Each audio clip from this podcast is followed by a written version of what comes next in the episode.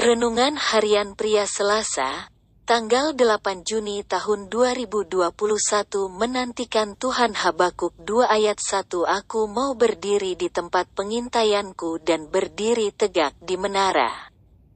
Aku mau meninjau dan menantikan apa yang akan difirmankannya kepadaku, dan apa yang akan dijawabnya atas pengaduanku.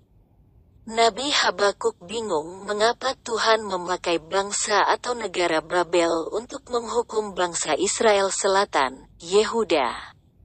Padahal negara Babel hidupnya lebih jahat dari bangsa Israel Selatan. Di dalam kebingungannya itu, Habakuk membuat keputusan penting, yaitu menanti-nantikan Tuhan untuk mendapatkan jawaban dari Tuhan. Habakuk berdiri di tempat pengintaian dan berdiri tegak di menara. Ini mempunyai arti Habakuk menyendiri untuk berduaan dengan Tuhan. Ia menantikan apa yang akan difirmankan oleh Tuhan. Pasti Anda dan saya juga pernah mengalami kebingungan-kebingungan dalam kehidupan kita. Ada banyak pertanyaan-pertanyaan yang muncul di hati dan pikiran kita. Jangan mencari jawaban atas kebingungan dan pertanyaan itu dari manusia, karena mereka semua tidak tahu apa jawabannya. Nantikanlah Tuhan sama seperti Nabi Habakuk.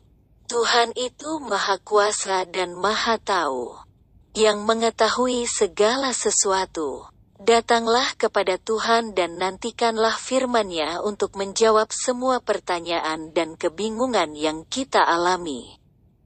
Percaya pasti Tuhan akan memberi firman-Nya kepada Anda dan saya. Habakuk menanti-nantikan Tuhan dan ia memberi firman-Nya kepada Habakuk. Lalu Tuhan menjawab aku, demikian. Tuliskanlah penglihatan itu dan ukirkanlah itu pada loh-loh, supaya orang sambil lalu dapat membacanya.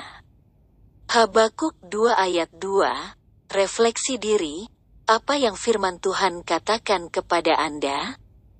Bagaimana kehidupan Anda dengan firman Tuhan itu?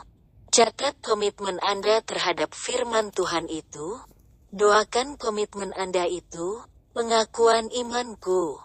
Setiap hari saya belajar untuk menanti-nantikan Tuhan berfirman kepada saya.